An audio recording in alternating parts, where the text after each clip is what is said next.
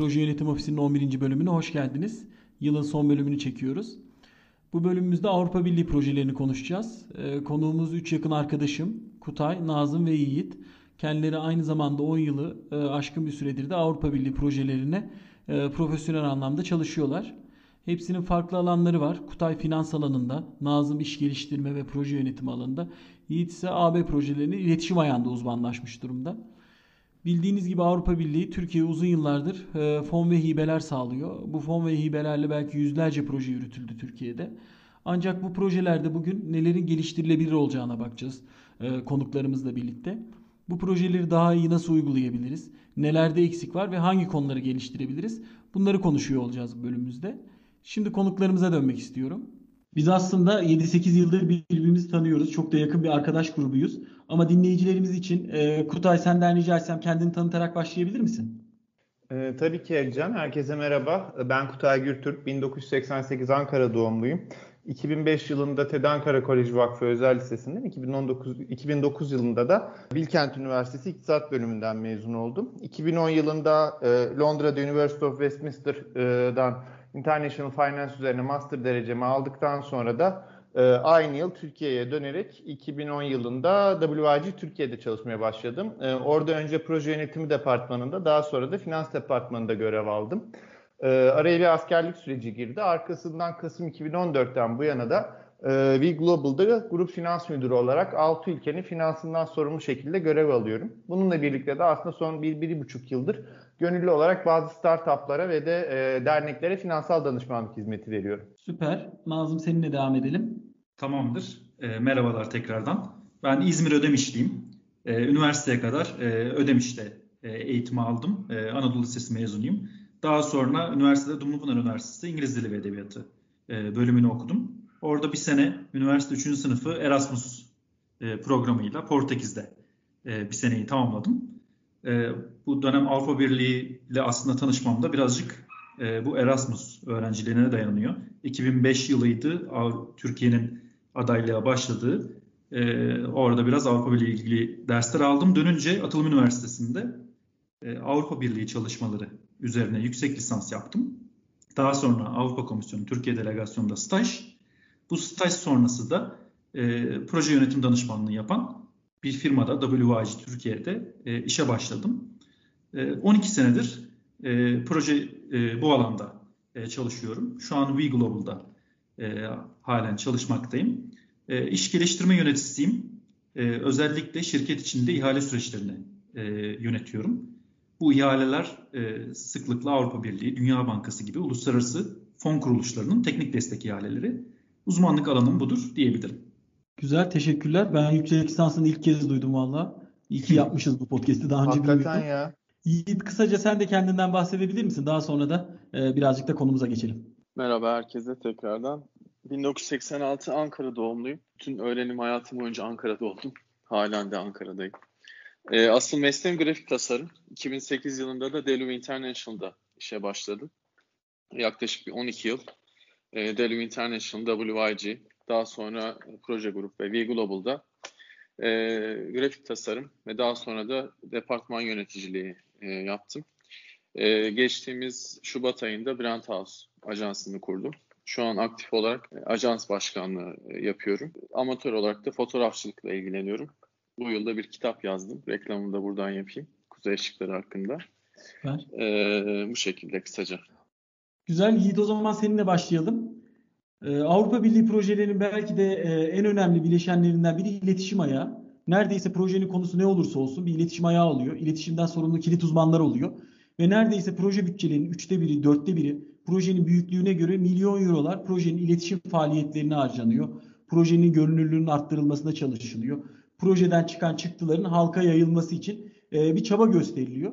Ee, ama bu harcanan paraların e, bu yapılan organizasyonlara ve gönüllülük çalışmasına değdiğini düşünüyor musun? Ee, neler geliştirilebilir bu alanda? Bunu aslında bir senden dinlemek isterim. Evet Acan aslında Avrupa Birliği projelerinde e, çok fazla gönüllülük faaliyeti var. Özellikle bazı projeler tamamen gönüllülük faaliyetleri üstüne çıkıyor. Yani iletişim kampanyaları, tanıtımlar, işte toplantılar vesaire bunlar çok ağırlıkta oluyor. Bazı projelerde de aslında bunlar hiç olmuyor. E, tabii bunların amacı halka bu projeleri tanıtmak, ulaştırmak.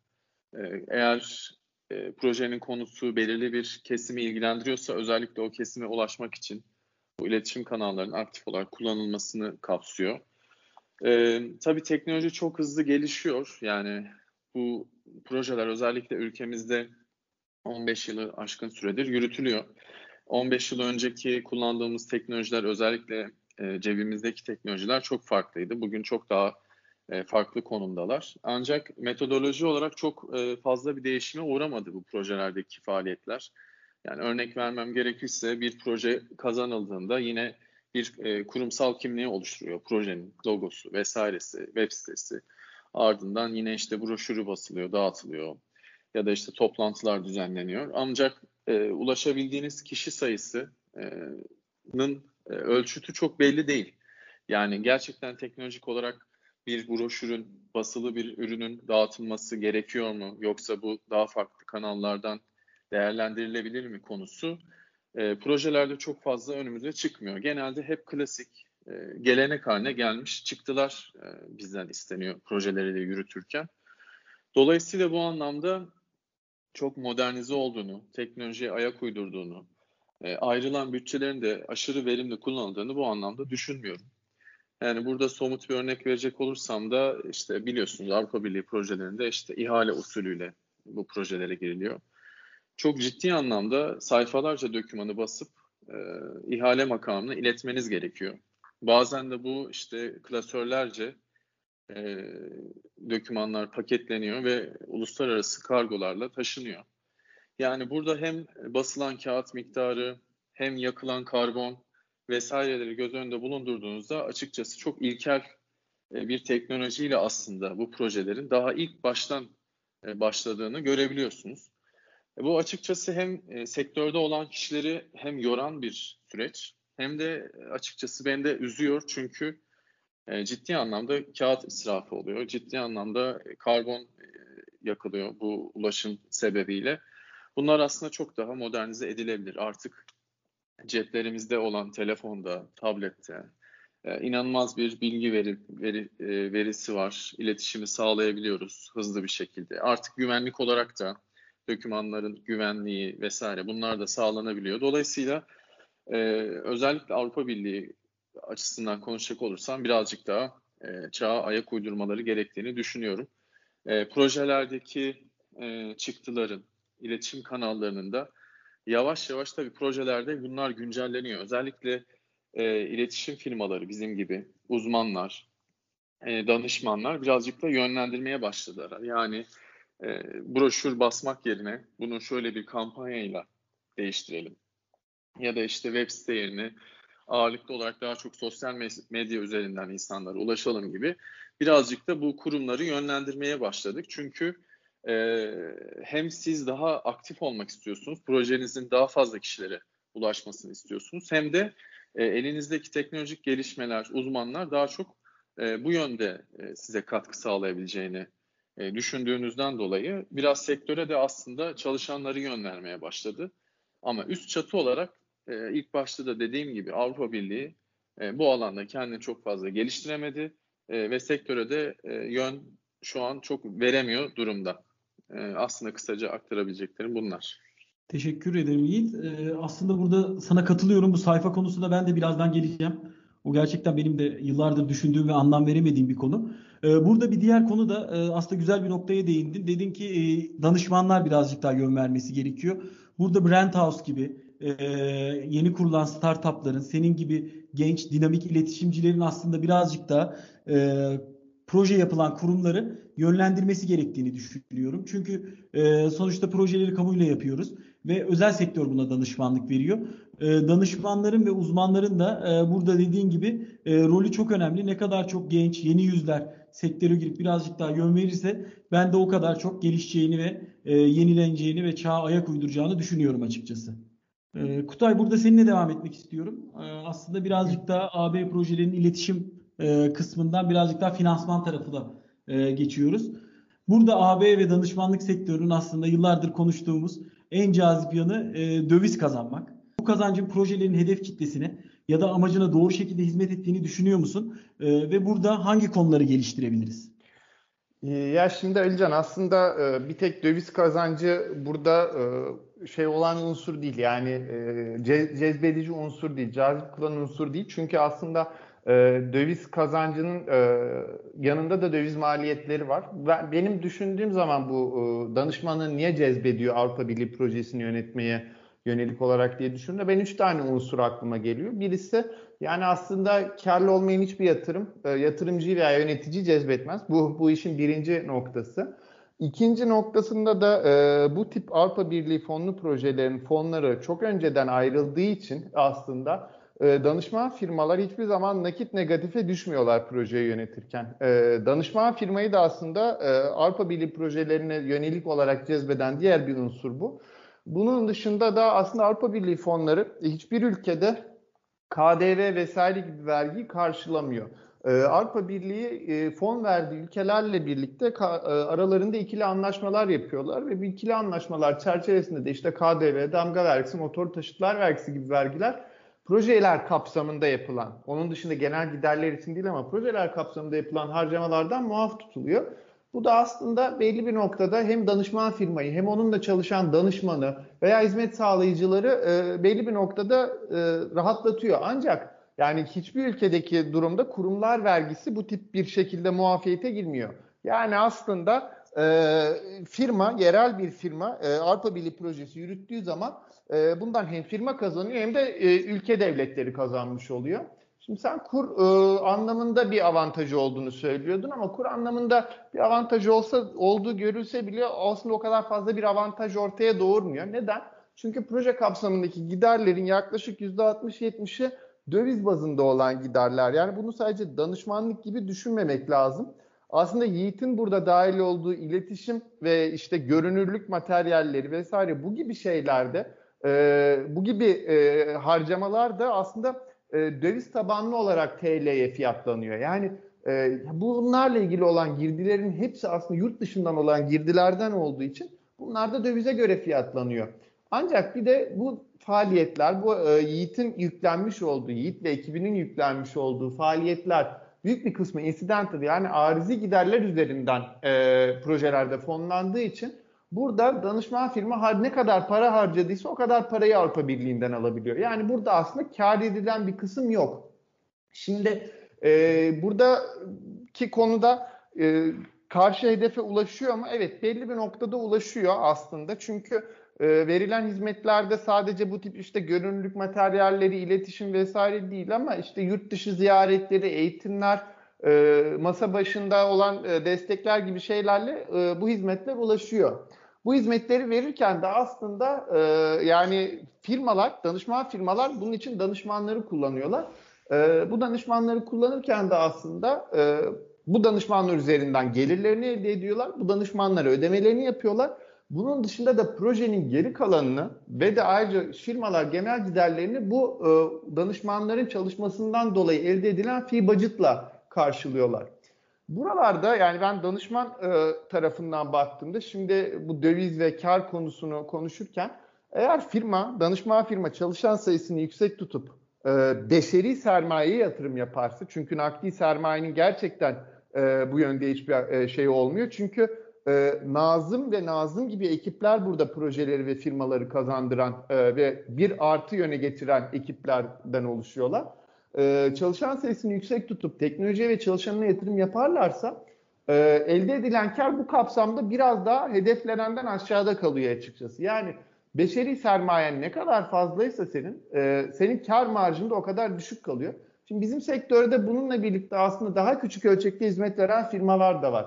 Bunların büyük ihtimalle net kar marjları bizimkinden yani Global'dan daha yüksek ama burada yapılan yatırımların oranı da zaten bu kar marjını tepede tutuyor. E, ikinci bir diğer konu yukarı daha önceden bahsettiğim nakit e, ile ilgili olan kısımda. Nakit yönetimi olarak baktığımızda da aslında burada sözleşme yönetiminin ne kadar iyi yapıldığı ve Avrupa Birliği'nin ne kadar e, transparan bir şekilde bunu gözlemlediği önemli. Çünkü e, sözleşme yönetimi gerek yüklenici, e, gerek sözleşme makamı, gerek de yararlanıcı tarafından harfiyen uygulanıyor. Sözleşmenin kuralları birebir uygulanıyor. Avrupa Birliği sürecin her e, bir aşamasında şeffaf bir şekilde bunu denetliyor. Bu böyle olunca tabii nakit akışı da iyi bir şekilde oluyor ve danışman firmada nakit pozitifte kalmış oluyor. Tabii biz burada danışman firmayı yani pozitif kaldığı sürece ee, onunla beraber çalıştığı danışmanlar ve hizmet sağlayıcıları da aslında burada bir pozitifte oluyor. Şimdi biz e, V-Global olarak bir e, analiz yaptığımız zaman e, pandemi sürecinde özellikle buna baktık. E, nakit girişi olarak ortalama 120 günde bir, bir nakit girişi varken nakit çıkışında da ortalama 120 ortalama 22 günde e, biz danışmanlarımıza ya da hizmet sağlayıcılarımıza ödeme yapıyoruz. Yani burada biz hem e, nakit olarak artıda kalmışız bu iyi bir şey e, e, kimseyi de mağdur durumda bırakmamışız. Burada bizim benimsediğimiz konu biraz daha kazan kazan. Yani çalışanları, danışmanları hiçbir şekilde mağdur etmediğin zaman onlar da senin için e, gerçekten elinden geleni yapıyorlar. Ve senin de bu süreç içerisinde başarılı bir danışman firma olarak e, dışarıda, piyasada ve sözleşme makamları önünde iyi bir pozisyonda kalmana destek oluyorlar. Şimdi e, vergisel avantajdan bahsettim. Bu vergisel avantaj tabii ki de e, yanlış anlaşılmamalı. Burada e, her türlü vergisel beyannamenizi, yükümlü olduğunuz beyannameyi, bunlar KDV, stopaj vesaire, kurumlar vergisi gibi beyannameleri siz ve sizinle bağlı olan bütün partilerin yapması gerekiyor. E, sözleşme makamları danışman firmaya ödemelerini yapmadan önce bütün e, vergisel olarak yükümlülüklerini yerine getirmiş olduklarını kontrol ediyorlar ve e, borcu olup olmadığını kontrol ediyorlar. E, bu bir kuruş borç çıksa dahi e, bu şekilde danışman firmaya ödemelerini bu borçlarını ödemeden yapmıyorlar. Ve bu her ülkede aynı şekilde geçerli. O yüzden yani burada evet KDV muafiyet olarak bir avantaj olsa bile siz bütün yükümlülüklerinizi tam zamanında ve tam doğru olarak yerine getirmek e, zorundasınız aslında Alican.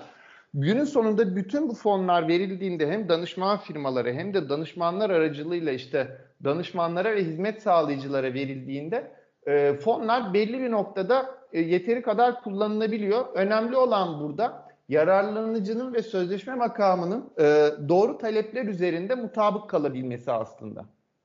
E, aslında diyorsun ki burada güzel bir ekosistem var. Bu dışarıdan çok avantajlı gözükse de gelirler döviz olduğu gibi giderlerin de büyük bir kısmı döviz diyorsun ama bu kurulan e, dengeli ekosistemden dolayı sen aslında bütün e, hukuksal ve finansal yükümlülüklerini yerine getirmek zorundasın ve burada aslında insan kaynaklarına e, yatırımın öneminden de bahsettin. O da e, benim çok hoşuma gitti. Daha önce de bu podcast'te e, birçok kez işlediğimiz e, konulardan biriydi. Çok önem verdiğimiz bir konu. İnsan kaynaklarına da büyük firmalar özellikle e, yatırım yapınca e, dolayısıyla e, dışarıdan gözüktüğü gibi çok cazip değil ama kazan kazan e, bir sistemle e, herkesin beslendiği bir yapı olmuş oluyor anladığım çok kadarıyla. Çok doğru Alican, çok doğru.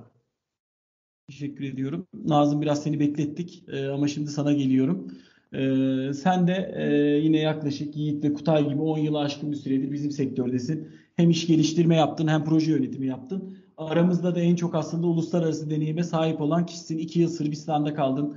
Orada hem proje kazanma kısmında yer aldın hem projeler yürüttün. Ee, biraz önce aslında Yiğit'in de kısaca değindiği bir konuyla e, devam etmek istiyorum. Avrupa Birliği'nin bildiği gibi bazı değerleri var ve projelerin e, belli bir kısmı da bu değerleri geliştirmek için çıkıyor. Bunlar neler? İnsan hakları, çevre koruma e, gibi konular var. Sivil toplumu geliştirme. Burada biraz çevre korumaya gireceğim. Biraz önce Yiğit'in de bahsettiği gibi çok dijitalleştik. Artık toplantılarımız dijital. Fiziksel olarak bir yere gitmiyoruz Yurt dışı ile toplantı yapacağımız zaman dijital yapıyoruz, Teams'ten yapıyoruz, Zoom'dan yapıyoruz e, gibi konular var. Ama hala tekliflerin binlerce, on binlerce sayfaya basıyoruz. Beş kopya halinde e, teslim ediyoruz. Bu belki bir firma için önemli değil, iki firma için ya da bir ülke için önemli değil ama Avrupa Birliği projeleri onlarca yüzlerce ülkede yürütülüyor ve e, yine onlarca yüzlerce firma var. Bunu genele vurduğumuzda milyonlarca sayfa demek. E, bu çok basit bir konu gibi gözükse de aslında e, ben bir bütün genele baktığımızda e, dünyayı etkileyecek bir israf olduğunu düşünüyorum. E, sen bu ve bunun gibi konularda uluslararası deneyimini de işin içine katarak e, neler düşünüyorsun, neler gelişebilir? Teşekkürler Alican. E, Yiğit ve Kutay'ı da e, keyifle dinledim. Şimdi yani şöyle başlamak istiyorum. Avrupa Birliği dünyadaki en büyük fon kuruluşu. Bizim bölgemiz için yani Türkiye ve Balkanlardaki e, en önemli ve en çok e, fon dağıtan organizasyon e, diyebiliriz. E, tabii bu fonlar öncelikle bizim de içinde olduğumuz çok büyük bir sektör e, yaratıyor. Yani bu anlamda her ülke için de çok önemli. E, hani biz bunu e, takdir ediyoruz hani diyerek e, başlamak istiyorum. Çünkü bu şekilde sistemli bir fonu dağıtmak her ülke için ayrı ayrı bölge için kolay iş e, değil. E, tabii biz bugün biraz da farklı bir sohbet etmek adına e, ve bizi dinleyen kitlenin de bu alanda tecrübeli bir grup olduğunu e, düşünerek Avrupa Birliği'nin ihale ve uygulama süreçlerinde geliştirilebileceği yanlarını e, ele almak istedik. Yani bununla başlamak istedim. Öncelikle hani takdir de edelim yaptıkları işi bu açıdan. Çok büyük bir fon. Çok bu kadar da proje dağıtırken, fon dağıtırken aslında senin de bahsettiğin gibi e, bir terzi kendi söküğünü dikemez e, durumu var e, Avrupa Birliği ile ilgili. Mesela bazı örneklerden gidelim e, daha net anlatabilmek için. Mesela ben 12 yıldır bu sektördeyim. Daha önceden de sektörde olan hani arkadaşlarımızı biliyoruz. Mesela Avrupa Birliği e, 15-20 yıldır ihale duyuruları için aynı web sitesini kullandı. Çok basit bir siteydi bu. Hepimizin de bildiği duyuru yapılan. Hiç geliştirilmeden kullanıldı. E, bu sene yeni bir portala geçti e, Avrupa Birliği ama e, çok yetersiz yanları e, var. E, mesela filtreleme, filtrelemeler e, çok başarılı değil. Ülke bazlı göremiyoruz ihaleleri şu an. Diğer yandan bir ihale ile ilgili bilgi almaya çalıştığınızda 3-5 farklı yere yönlendirme yapılıyor. Çok dağınık bir portal çıktı karşımıza. E, şimdi bunca zaman sonra e, çok daha iyi bir portal e, tabii beklerdik biz. E, açıkçası hani biraz Yiğit'in de bahsettiği e, konunun özü e, burada. Aslında firmalar, sektörde çalışan danışmanlar ve firmalar, özel sektör son yıllardaki teknolojiyle kendisini çok geliştirdi. Ve çok hızlı hareket ediyoruz elimizdeki dijital olanaklarla. E, biraz tabii Avrupa Birliği e, bu anlamda kendini yenileyemedi. Yani bizim beklentimiz aslında Avrupa Birliği'nin portalının canlı ve sürekli gelişen e, bir, bir dinamik yapı olması gerekiyor. Bizim beklentimiz e, bu yönde. Senin dediğin, Yiğit'in de bahsettiği e, sayfalarca teklif sunulması olayı var. Tabii bunun nedeni yine elektronik başvuru sayfası e, olmaması. E, mesela çok basit bir çözüm e, şu an burada e, söyleyebilirim düşünürken. E, şirketlerin idari belgeleri ile ilgili bir çözüm e, olabilir. Mesela tekliflerde sadece 300-400 sayfa idari belge sunuyor şirketler. E, halbuki sektörde proje uygulayan firmalar da belli. E, bu firmalara ve diğer ihaleye katılmak isteyenlere portal üzerinden idari belgeler yüklenebilir. Mesela oradan kontrol edilebilir. Artık basılı bir dokümana gerek yok e, bu anlamda. Çok basit bir çözümle e, bir anda sayfalarca e, basımdan e, kurtulabiliriz. Ve her teklifte sunuluyor değil mi? Avrupa Birliği projelerinin detaylarını bilmeyen dinleyicilerimiz için ben aslında e, bunu sana soruyorum. Her teklifte aynı idari dokümanları her firma tekrar tekrar sunuyor. Bir klasör Doğru. sunuyoruz bildiğim kadarıyla. Ben fax konusuna bile hala inanamıyorum yani. Gerçekten hala faxla iletişimin sürmesi, şey yapması enteresan bir noktada. Bu kadar e, hibrit çalışma modelleri ya da uzaktan çalışma modelleri olması noktasında hala bir faksın üzerinden e, tek yerden iletişimin devam ettirilme isteği de çok enteresan geliyor bana. Gerçekten faksı kullanan iki kurum olabilir. Biri Avrupa Birliği, diğeri de Dijitürk. Üyelik iptali için faksla çekmemizi istiyorlar. Bir tanesi Avrupa Birliği. Ben bu iki kurum dışında faks kullanan bir kurum gerçekten bilmiyorum. Yani ben de bir şey ekleyeyim. Bu sadece e, Avrupa Birliği konusundan yani öte geliyor. Kendi hayatlarımızın içinde de şöyle bir yerde var. Diyelim ki siz bir Schengen vizesine başvurdunuz. Hepimiz biliyoruz değil mi? Yani sayfalarca doküman toplamak zorunda kalıyoruz. Bir dosya dolusu başvuruyorsunuz. Diyelim ki size 3 ay verdiler, 1 ay verdiler. Hatta belki ilk başvurunuzda 1 hafta verdiler. Sonra tekrar Schengen'e başvurmanız gerekti. Sizden yine aynı dokümanlar istiyor. Yani o topladığınız 3 ay önce, 1 ay, bir hafta önce topladığınız dokümanların aynısını e, vize merkezine teslim etmeniz gerekiyor. Yani bu Nazım'ın da anlattığı süreç buna çok benziyor. Aynı firma e, bir ihaleye giriyor. 3 gün sonra tekrar bir ihaleye giriyor. Aynı dokümanlar. İki hafta sonra tekrar ihaleye giriyor. Aynı dokümanlar. Yani e, ne kadar hani süreç zorlaştırılabilir? Onunla ilgili çok güzel bir sistem kurulmuş. E, maalesef takır takır da işliyor. Ya o kadar enteresan ki konuştuğumuz gerçekten çok basit. Acaba şöyle düşünüyorum. Bunun arkasında bizim göremediğimiz Çünkü bizden daha çok tecrübeli insanlar eminim bir yerde toplanıyordur ve bu konuları düşünüyordur. Çünkü milyarlarca euro fonda atılıyor. Ee, ve bunun bir kuran bir ekip var. Bunun bir sistemi var. Eminim çok tecrübeliler. Acaba bizim burada göremediğimiz ya da e, düşünemediğimiz bir şey mi var diye aklıma geliyor. Yani ben bunu daha önce de kendi aramızdaki konuşmalarda da farklı insanlarla da konuşuyoruz.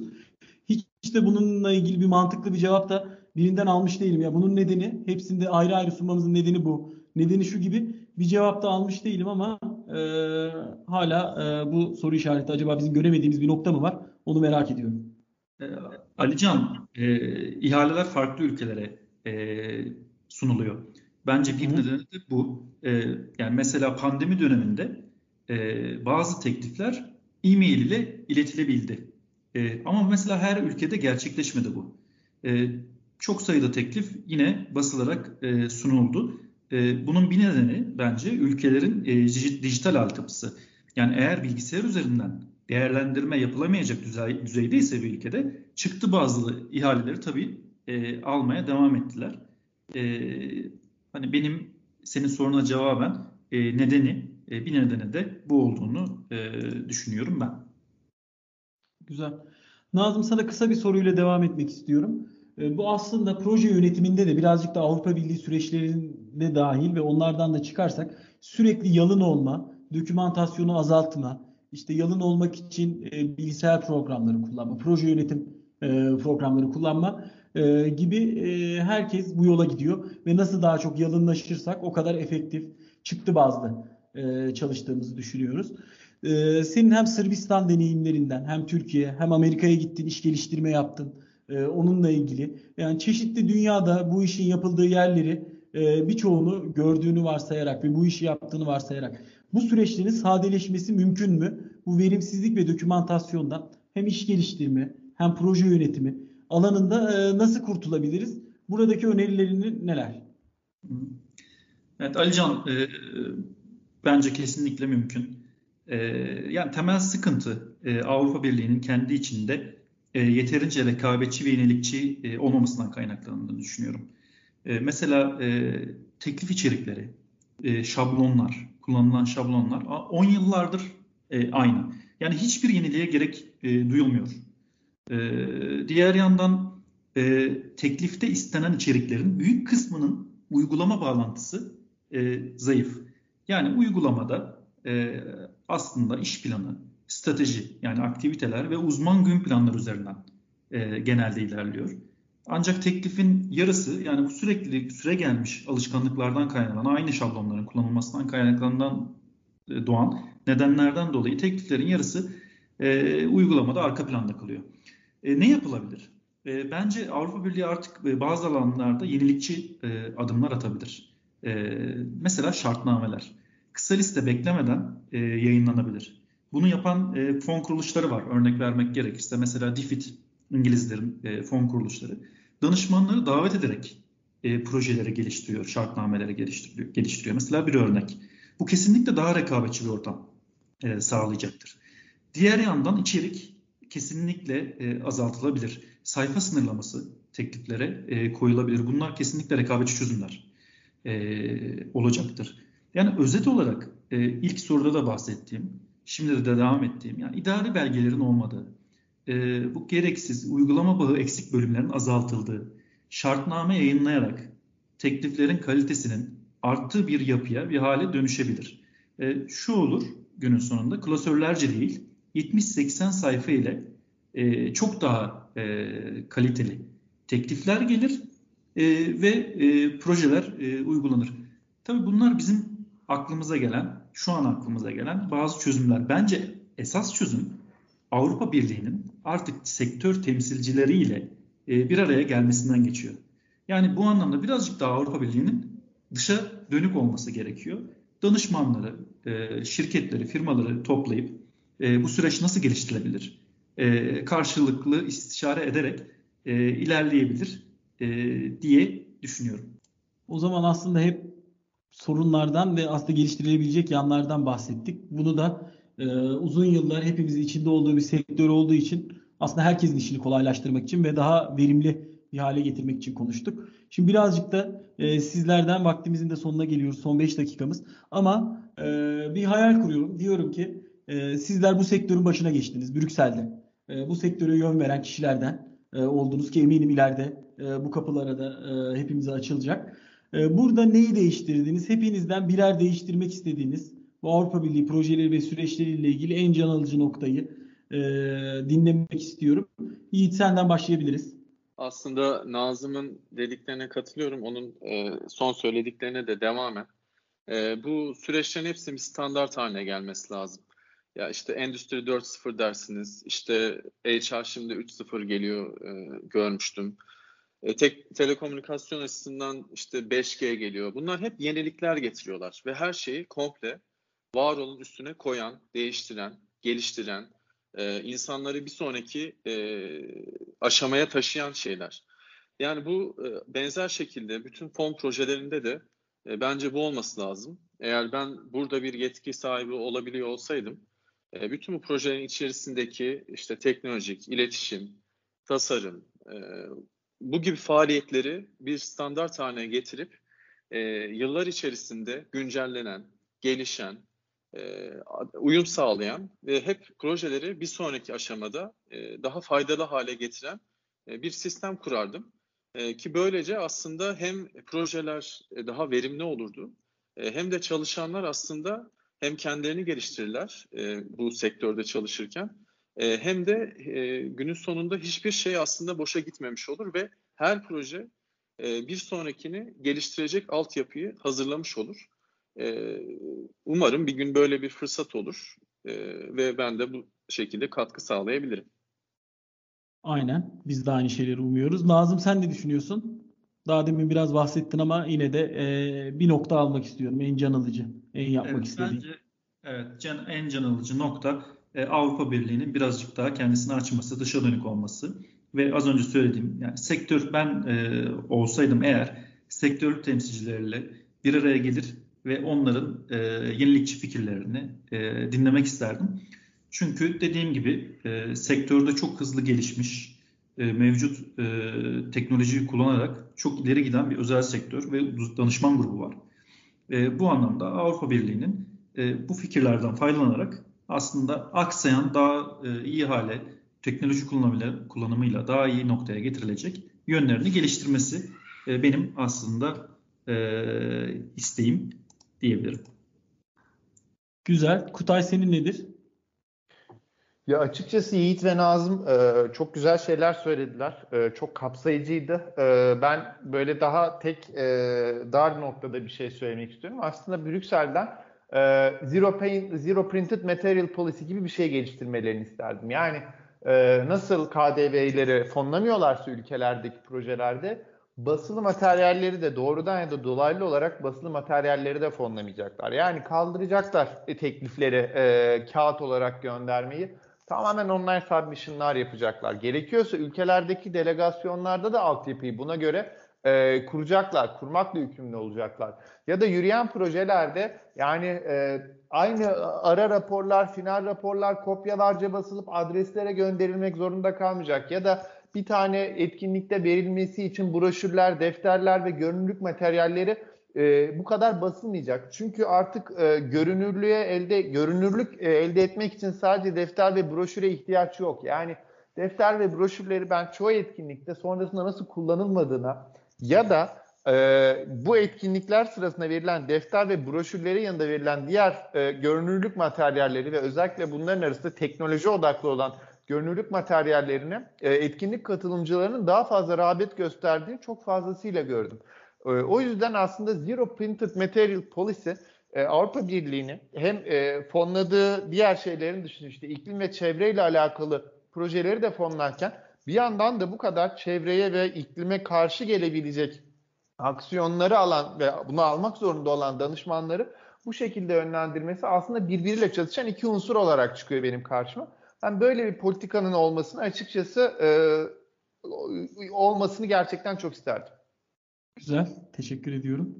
İnşallah bu yayınımızı biri dinler. E, mail adresimiz yayınımızın içinde var. E, girdikleri Spotify'da. Bana mail atarlarsa size söyleyeceğim arkadaşlar. Belki de e, bize bir gün sorarlar neler yapmak istersiniz Kolaysa diye. gelsinler kendileri yapsınlar diyebilirler şu an değil mi? Birazcık çok eleştirdik ben de onu fark ettim. Sonuçta hepimiz. Sendika gibi burada şey yaptık biraz daha. Aynen. O olsun zaten bölümün amacı biraz buydu.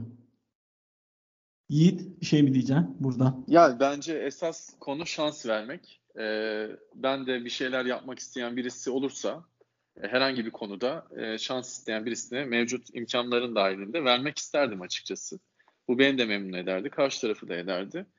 Ee, yani gelecekte e, şu ankinden çok daha farklı bir tablo olacak. O yüzden e, umarım bunu dinleyen bize de bir şans verir ya da bizim gibi de yenilikçi düşünen insanlara şanslar verilir diye ümit ediyorum.